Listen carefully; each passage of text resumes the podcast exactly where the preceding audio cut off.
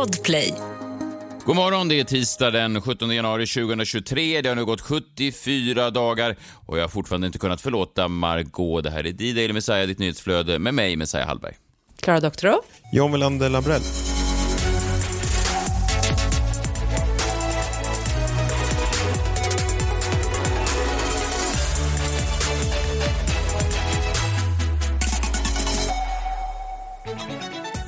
God morgon på er var ni än eh, befinner er i världen. Eh, John, jag vet att du befinner dig i, i Thailand. Eh, Skönt verkar det vara. Skönt ja. Ja, Jo, det är, det är skönt. Eller vad är? Tänkte du på något det speciellt? är ju... Nej, jag bara tänker att det är, det är skönt att ha en arbetsplats där man, där man så att säga kan bara, man kan bara flyga iväg till andra sidan jorden sådär och bara verkligen njuta. Gud vad du låter bitter Messiah. Nej, inte alls. Det är bara skö- skönt måste det vara, tänker jag. Jag hoppas att du verkligen vaknar upp och tänker, fan vad skönt det här är. Inte ha några barn och behöver skjutsa till skolan och ingen vinterkräksjuka att ta hänsyn till. Och, ja, Men allt det där som skönt sådär bara. Jag skjutsar faktiskt runt små barn här lite då och då, så att jag, gör- ja, jag förstår vad ni går igenom. Du är väl inte med i en Ja, du är- pedofilring? Nej, inte så. Jag hjälper till här i, i kvarteret. Va? Det låter suspekt. Nej, men jag följer dig på Instagram och det är spännande att se att du verkligen tar del av um, det, riktiga Thailand. Skiljer sig ditt liv på något sätt från hur det är hemma i Sverige, förutom värmen då och att de ibland serverar curry längs gatorna, men det verkar vara ganska samma leven ändå. Det är mycket, det är nattklubbar och det är drinkar, så det är, det är inte så mycket, det är inte så mycket förkovring va? Nej, men jag trivs med mitt liv hemma. Jag bara förflyttar det lite grann hit ett tag. Det är, inte så, det är ingen stor grej. Nej, speciellt, men det är viktigt att man har en arbetsgivare tror jag som, är väldigt, som eh, verkligen ser mellan fingrarna när, när det är så att säga, när Thailand lockar. Ja, det kanske man, så kan man, skulle man kunna se det. Men det är också, pandemin har ju gjort jättemycket där. Folk är vana att jobba på, med dist, på distans och sånt där. Och det, så att, jag menar, det där är ju, det där har verkligen förändrats de, de senaste åren, skulle jag säga. Och även min arbetsgivare vet jag känner likadant. Verkligen. Eh, Klara Doktorov, har du kommit någonstans i boken eh, Spare, eh, boken om prins Harry? Det känns som du sitter och läser den, gör du inte det? Ja, men det gör jag ju. Nej, jag har faktiskt bara kommit eh, kanske eh, hundra sidor in än så länge, men jag tycker att den är rätt välskriven ändå. Eh, han måste ju ha fått otroligt mycket hjälp. Jag kan inte tänka mig att han är så välartikulerad riktigt. Nej, det där är ju det där är ju intressant. Den har ju slagit alla rekord nu. Den slog ju då den tidigare rekordinnehavaren Barack Obamas eh, bok. Det var inte ens hans första bok, Obamas. Han skrev ju en väldigt bra bok innan han blev president och sen så kom då ett förlovat land som faktiskt var ganska tråkig. Alltså för att vara med om så mycket dramatik som Obama var, den första mörkhyade presidenten, sen så var den ganska eh, tråkig. det var för lång. Skitsamma. Det rekordet är slaget nu. Eh, Prins Harrys bok sålde över 1,4 miljoner eh, exemplar bara första dagen då i USA, Storbritannien och eh, Kanada. Och han har inte bara skrivit den, han har även läst in då. Det är alltså prins Harry själv som har tagit sig in i en, en ljudstudio och läst in eh, ljudboken. Den vill man ju lyssna på. Nej, men för det jag tänker, när jag läser den så eh, slås jag av att han är ju verkligen traumatiserad av sin mammas död. Men, alltså det förstår man ju också. Att gå igenom det så publikt också när man är 11-12 år gammal. Eh, men det, är liksom, det jagar honom ju fortfarande något enormt. Eh, så det färgar ju lite den bilden man hade av honom efter dokumentären som gick på Netflix tycker jag. Att man känner lite att så här, han borde som Britney Spears kanske börja lägga sig in på en klinik och få lite hjälp. Ja, det finns ju eh, många, jag har inte läst den själv, men jag, jag har folk som skickar ljudklippen till mig. Jag tycker det blir extra starkt när man vet att det är prins Harry själv som står och återberättar de här minnena. Eh, en av de mest uppmärksammade minnena, det är väl den här, jag vet inte om ni har läst det här, men det var ju ganska magiskt då när, när mamman plötsligt återuppstod. Så här beskrev eh, prins Harry det, en sekvens för några år sedan. My penis was oscillating between extremely sensitive and borderline traumatized. The last place I wanted to be was Frostnipistan. I'd been trying some home remedies, including one recommended by a friend. She'd urged me to apply Elizabeth Arden cream. My mum used that on her lips. You want me to put that on my todger? It works, Harry. Trust me. I found a tube, and the minute I opened it, the smell transported me through time. I felt as if my mother was right there in the room. And I took a smidge and applied it down there. Ja, men han, har ju, han har ju humor ändå. Det måste man ju ge honom. Det är också, Ja, jag vet inte. Jag tror att eh, PR-personerna på Elizabeth Arden har väl fått jobba och jag vet inte om de vill förknippas med mamma, son, penis, läppsalve, incident. Alltså det är en speciell, det är svårt att marknadsföra det på den. så- Alltså, vill du också vara nära din döda mor? eh, alltså, det är svårt att se en kampanj Ta de... på våran 8 hour cream på din penis. Vill du färdas tillbaka i tiden? Do you wanna travel in time? Ja, hur gör jag det? Ta läppsalva på din... Nej, men du, eight, Elizabeth Ardens 8 hour cream kan man faktiskt ha på alla dry spots oavsett. Uppenbarligen. Det kan jag intyga. Ska vi börja lyssna en gång till på de två gånger då prins Harry eh, benämner sina kronjuveler, eller vad ska man säga, själva spiran är det väl han benämner. eh, Ja, många royalistuttryck där för bra. ja, du tror att jag sitter, du sitter, du tror att jag sitter och latar mig här när, när du är i Thailand? Nej, när jag sitter hemma och skriver olika britt, brittiska royalist-penisvitsar. Det är sånt där man inte kan göra på distans. Nej, det där kräver närvaro på kontoret. Så är det. Men, Det här är inget man gör över ett zoom-call. Nej.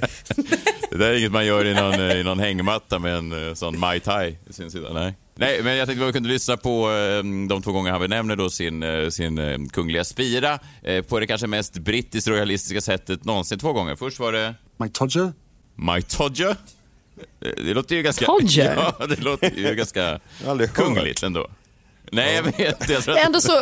De här kung, de har liksom Otroligt aldrig någon glad. kontakt med folket. Alltså, det, de har alltid... nej, jag tror att det är bara kungapenisar som får eh, benämnas just med My Todger. Annars hamnar man i finkan, tror jag. Ja, jag är glad också att jag tog den svenska översatte boken för den var 100 kronor billigare eh, nu. För jag hade annars f- fått googla vad Todger betyder. det är jobbig googling. Och andra gången då han benämner den, det är bara en konstaterande var den befinner sig. Down there. Down there. Down there. Men lite sexigt Down there. liksom. Jo, men också lite skamset säger han det ju. Ja, Alltså, ja, man kan ja. se han står där med krämen på handen och liksom sträcker sig down there. Ja, men ändå sexigt. Han sa det sexigt tycker jag. Han har en bra röst. Vad var den svenska översättningen på det då? Där nere. Ja, det var penis. Det var Ja, men penis. inte... Vad vad trist. Då låter ju den engelska mycket roligare. Ja, men det var, det stod ett slang, för, ett, ett brittiskt slangord för penis. Det är det mest osexiga någonsin när man ska använda det. är Dirty Docket. Skulle du vilja röra vid min brittiska slangord för penis? Insert brittisk slangord. För... Åh, det är så skönt när du arbetar på min brittiska slangord för penis. Revolutionerar hela, hela Dirty Talk.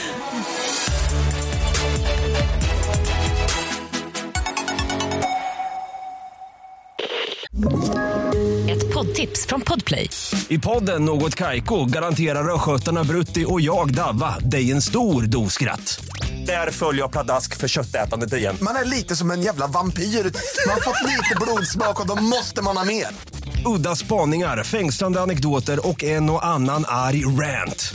Jag måste ha mitt kaffe på morgonen för annars är jag ingen trevlig människa. Då är du ingen trevlig människa, punkt. Något Kaiko, hör du på Podplay. Därför är gardinerna.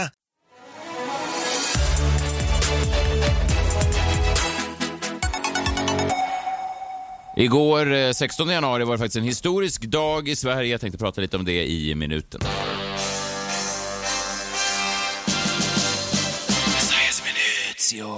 Igår då, 16 januari, så fyllde han då år. Eh, Anders Bagge, ni vet mannen som ofta lämnar maracas i vår studio där på Kungsholmen i Stockholm. Ja, Mannen, eh, Ja, precis. myten, legenden Anders Bagge, han fyllde Han är fem... känd för annat också. Jo, det är men jag tror att de senaste åren så är det nog just det här att han alltid... Man hör honom innan han kommer runt ett hörn. För att han har då ja, maracas i fickan. Hade... om inte annat för att han, han pratar ju konstant, alltså hela tiden.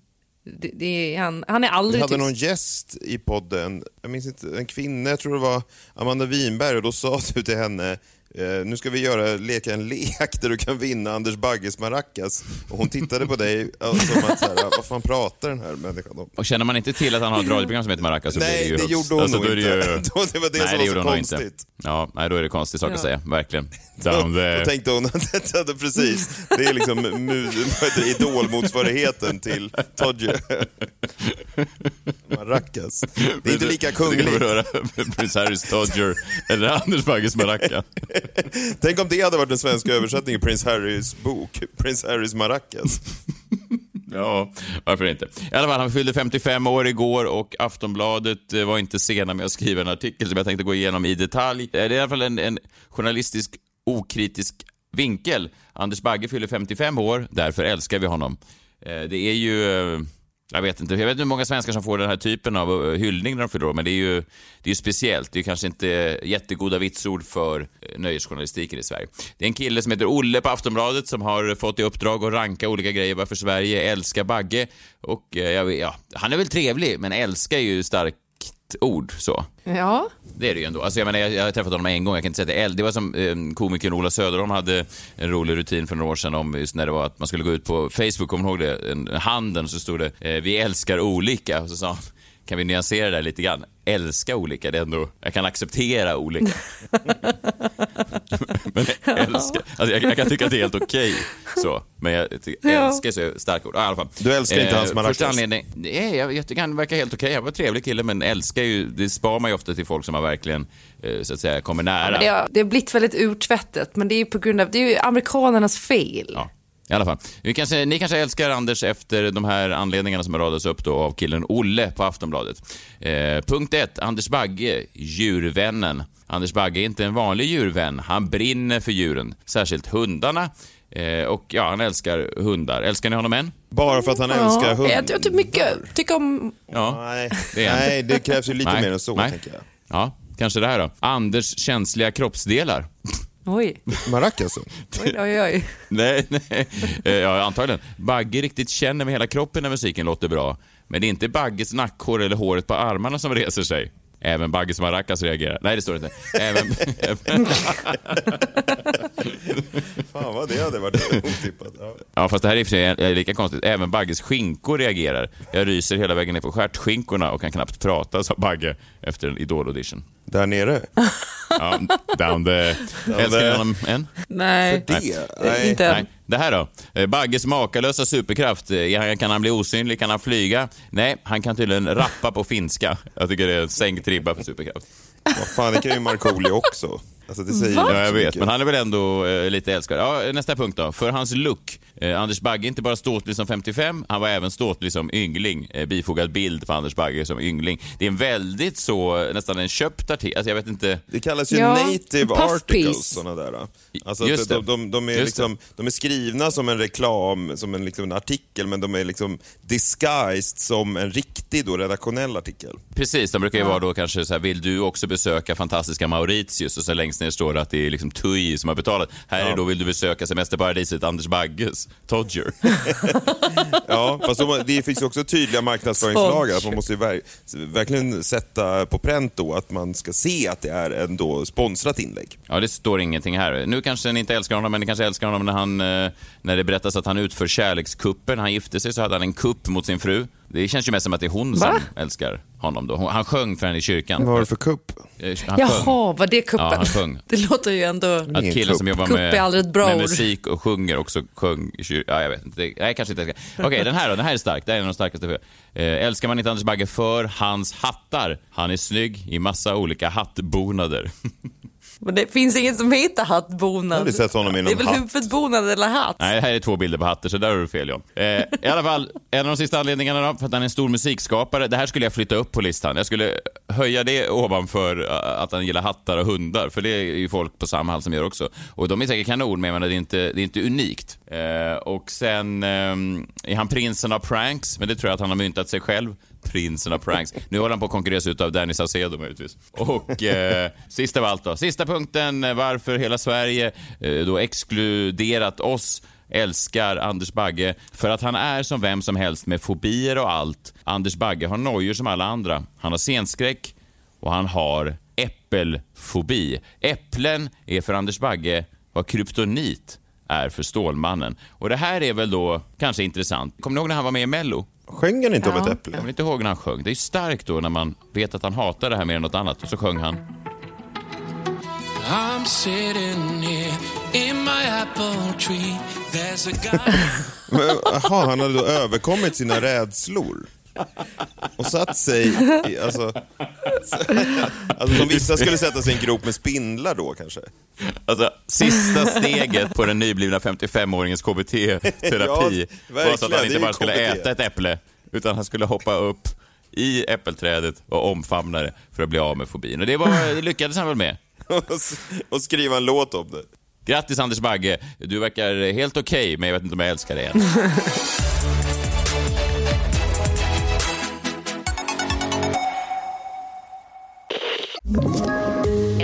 Poddtips från Podplay. I podden Något Kaiko garanterar östgötarna Brutti och jag, Davva, dig en stor dos skratt. Där följer jag pladask för köttätandet igen. Man är lite som en jävla vampyr. Man har fått lite blodsmak och då måste man ha mer.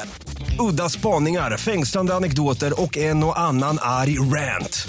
Jag måste ha mitt kaffe på morgonen för annars är jag ingen trevlig människa. Då är du ingen trevlig människa, punkt. Något Kaiko, hör du på Podplay. Därför är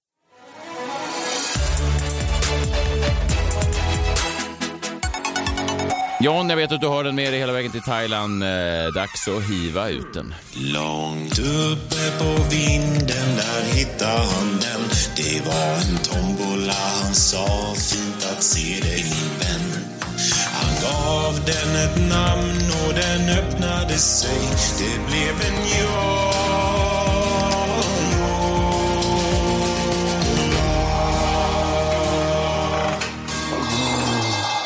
Jombolan, eh, detta verktyg som eh, damerna och männen eh, tittar storögt på. Du tar en lapp ur det och så måste du blixtsnabbt komma på någonting att säga på ämnet. Vad står det på din lapp idag? Eh, svenska idrottare har en fortsatt blåst på pengar-aura. Står det på lappen och eh, ja, vi har ju pratat ofta om att eh, svenska idrottare, eller kanske idrottare överlag, men framförallt svenska idrottare har, blir väldigt ofta då blåsta på pengar. De blir ständigt ilurade olika investeringar som de gladeligen då går med på.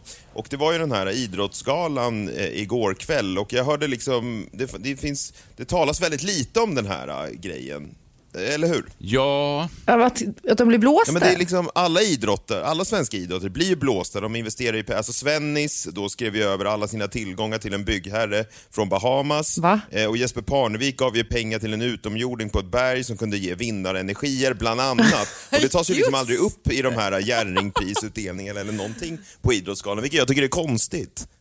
ja men vi har väl en, eh, vi har väl en ganska en helgongloria på många av de här legenderna. Det är ofta att de är då begåvade på idrottsplanen liksom, eller på, ja, på, på rinken eller fotbollsplanen eller var de nu befinner sig, på, på tenniskorten. Och därför har vi då en väldig respekt för dem, att vi kanske inte nämner att de är då lufthuvuden vid sidan av. Alltså en vanlig man som blir lurad av en utomjording på ett berg, då tänker man ju spärra in honom. Men nu är det då om han också kan hantera en, en wedge, eller vad fan det nu heter, en järnnia, så, så är han liksom lite mindre lurad. Men han blir ju lika lurad, det är bara att man har, man har respekt med sig in i historien. Ja. Ja men verkligen, och jag menar de, alltså, de här svenska idrottarna, de har ju spelat ihop sina pengar själv, de får ju göra vad fan de vill med sina pengar. Men jag tänker bara eftersom man liksom, ja men som du sa, man nästan dyrkar dem, eh, så ska man nog, jag vill, man vill bara liksom vara med och höja ett varningsfinger eftersom den här idrottsgalan inte gör det, att, att inte följa efter deras investeringar. Alltså man kan följa dem på planen, följ dem med deras järnnior. Ha inte dem som ekonomiska förebilder då.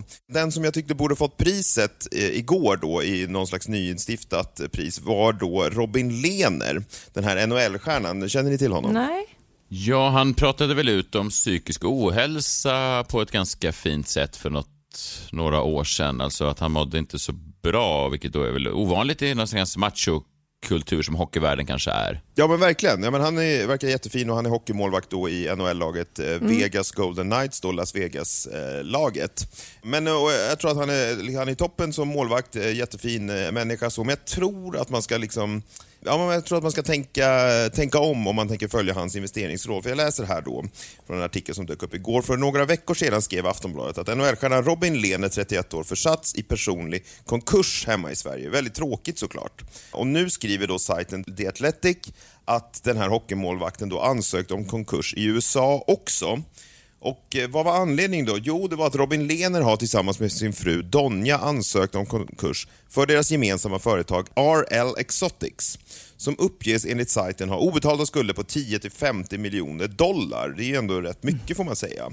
Ja men det är jättemycket och skulden har sin grund från när Robin Lehner spelade för Buffalo Sabres några år tidigare.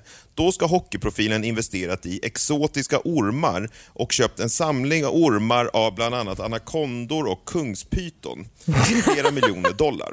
Och jag menar, det är ju frågan. Varför det? Alltså man kan ju förstå då om, för att han tydligen vill han liksom, han ska inte ha de här ormarna hemma utan han har köpt dem alltså via ett företag som han har grundat som heter då RL Exotics. Och det man undrar då är ju så här, vad fan ska han, vad är det för liksom, vad är det för märklig investering? Alltså okej om man vill ha ormar hemma, men det verkar ju inte vara grejen, utan han har dem ju i ett bolag. Ja, men det är för att kunna dra av dem på skatten då eller? Kunna köpa grejer till dem och dra på skatten men det är ju fortfarande otroligt mycket pengar i det där bolaget. Vad ska man köpa för grejer till en orm som man kan dra av på skatten? En sån här en pinne eller vad man har då som är de här i. Terrarie! Ja, okej. Ja, men för jag tänker ändå så att liksom bostäder på Bahamas som Svennis köpte då, det kan man i alla fall tänka sig kunna ge någon slags avkastning. eh, men hur ska han då tjäna pengar på ormarna? Alltså hoppas han att någon av ormarna ska få rollen som Sir Väs i en ny Robin Hood-film? Eller ska han på Tinder-date med Skansen-Jonas som vill imponera på honom? Eller behöver han hjälp med att uttala bokstaven S? Eh, jag vet inte varför svenska idrottsmän gör så märkliga investeringar, men det här tar nog priset. Klara Doktorov, det är ju ett nytt år. Jag undrar, är du fortfarande i högsta hugg med din eh, gåspenna? Eller det låter i och för sig som tangentbord mer, men, men skriver du brev fortfarande? Det jag menar. Ja, men jag skriver fortfarande på mitt öppna brev och idag så eh, är det lite extra eh, betydelsefullt för mig då, för det här är någonting som stör mig väldigt mycket då. Men det är ju så att ännu ett samhällsproblem skylls på TikTok. Nu är det stjärnkrygarna som gråter ut. Jag såg på nyheten att Stockholm tappat eh, fem stjärnor i den här Guide Michelin under 2022 och krygaren Jakob Holmström hade det här att säga om fine dinings framtid. Det är en annan generation, det är kanske mer av en TikTok-generation där liksom saker och ting ska gå lite snabbare. De här tunga avsmakningsmenyerna kommer nog bli kortare och jag tror att man kommer inte sitta fyra timmar på krogen utan en, två timmar kommer räcka. Ja, en, två timmar kommer räcka säger han om det här och därför så känner jag mig snudd på utmanad att ta fram skrivmaskinen. Så nu blir det ett öppet brev till dig som är stjärnkrygare. Kära krygare. Om det är någon i den här podden som på riktigt uppskattar mat som hantverk så är det jag. Därför vill jag skrika rakt ut när jag återigen hör en världsfrånvänd kommentar från en krygare. Nej, i framtiden kommer TikTok-generationen inte vilja äta en meny på en timme. Det där är en urdum spaning. Människor har och kommer att vilja njuta av långa måltider och har gjort i alla tider. Problemet det är att vi inte längre får hålla oss med slavar. Förr i tiden kunde rika människor äta gott tack vare att de hade trälar som arbetade för dem i utbyte mot mat och boende. Adeln hade fotfolk, en på varje gäst. Idag finns arbetsmiljöregler och de här ställer till det för er, jag vet. Något år efter Noma som korets till världens bästa restaurang började avlöna sina obetalda praktikanter var man plötsligt tvungen att lägga ner för att det inte var lönsamt och för att rika människor är hemska. Ha ha ha, hallå, har ni ens sett White Lotus? Ett annat problem är att människor med vanliga smaklökar inte uppskattar alla pretentiösa försök med kolsyreis och rökpistoler. Som om ni forskar fram nästa Nobelpris i kemi. Vi vill ha vanlig, vällagad mat till rimliga priser med servis som är trevlig och som får hyggligt betalt. När jag åt på Noma försökte de med myror på carpaccio och blommor på pizza. Och förlåt, men slut med det här jävla tramset. När jag var på Aira hade min man glömt sina läsglasögon och då bad servisen honom att följa med till ett litet rum där han kunde välja ett nytt par i valfri styrka. Det regnade när vi skulle åka hem och då stack den lille hovmästaren ett paraply i näven på oss som vi liksom fick. Notan för två personer på Aira 11 000 kronor inkmoms. Tro fan att det kostar. Lagar ni mat eller är ni ett köpcentrum, Tommy Myllymäki? Men varför hade de en stor, de hade glasögonrum som barnen kunde få leka i eller? Nej, alltså de hade ett rum med, där man, där man, kunde, få- där man hade grejer som om någon behövde då. Alltså jag förstår ju fin service och allt det där, men när det blir så där dyrt och så exklusivt, det blir för så otroligt få och de få är ju rövhattar som har råd att gå och äta en middag och få ett par läsglasögon på köpet. Man ska vara tydlig här med att det skiljer sig väldigt från eh, en av de många hattdon som Anders Bagge bär. Därför vi älskar honom, för hans rövhatt. Anders Bagges rövhatt. På plats tre över anledningen till varför vi älskar Anders Bagge. Hans rövhatt. Fan. Okej, ja, tillbaka till brevet. Jag tror att framtiden för fine dining handlar om att skita i Michelin som betygsskala. Skita i allt det extra lullet och försök att skapa miljöer där folk vill äta länge och mat som är opretentiös och vällagad. Björn Franzén kanske har fattat det med sin nya trestjärniga krog. Han verkar ha lagt både kolsyreisen och rökpistolen på hyllan och tacka fan för det. Hans förra krog var väldigt 2008. Allt gott, Klara. PS. Tommy Myllymäki, eh, om du har lyssnat på det här så måste jag säga att maten på Aira var så bra att jag blev lite pirrig down there. Down there. Jag kunde, ni säger det bättre. Down there. Nej, vad fan var det han sa? Down there. Ja, down there. Down there. Ja, du får jobba på det, men du kanske får gå och besöka eh, restaurangen. Du kanske måste vara på restaurangen för att kunna känna pirret down there och då verkligen kunna säga det med emfas. Vad vet jag? Down Men, there. ehm, Ja, precis. jag tycker är, är kolsyreis eh, eh, daterat, det är det säkert. Jag är alltid på flugor alldeles för sent. Nej, Jag var men inne på en sushi-restaurang häromdagen och då gav de och då gav de mig att det kommer sån där Åh, herregud. över. Och jag tyckte det var så... Jag tog bilder och... Vadå, är det, är det, när kom det här, till jag, tror Stockholm? att, jag tror att jag la upp den sedan? första bilden på kolsyra och is typ så här 2009 och så skrev jag att det spökar i min sushi. Är det någon som har tips på en bra gynekolog i Stockholm? Ja, eh, det har funnits väldigt Mm. länge och det är ute nu eh, och det vet väl alla respektabla kockar kanske. Ja, verkligen. Eh, nu ska jag eh, gå och eh, ta lite kolsyreis på min Todger. Vi hörs imorgon. Eh, ta hand om er själva och varandra. Eh, och John, du håller fortet där i Thailand, va? Ja, men det gör jag. På distans. Ja. Det går lika ja, det bra det. otroligt. Nu för tiden. Fast imorgon vill jag ha en sån royalist-penisvits, annars så vet jag inte riktigt. Annars får du sparken och då står Martin Björk här och knackar på. Ja, vi hörs sen. hej, hej. Hej! Hej.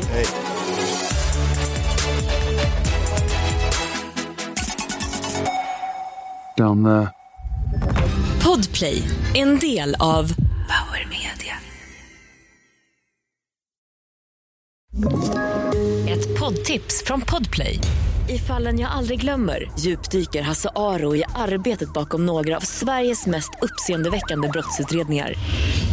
Går vi in med hemlig telefonavlyssning och, och då upplever vi att vi får en total förändring av hans beteende. Vad är det som händer nu? Vem är det som läcker? Och så säger han att jag är kriminell, jag har varit kriminell i hela mitt liv men att mörda ett barn, där går min gräns. Nya säsongen av Fallen jag aldrig glömmer på Podplay.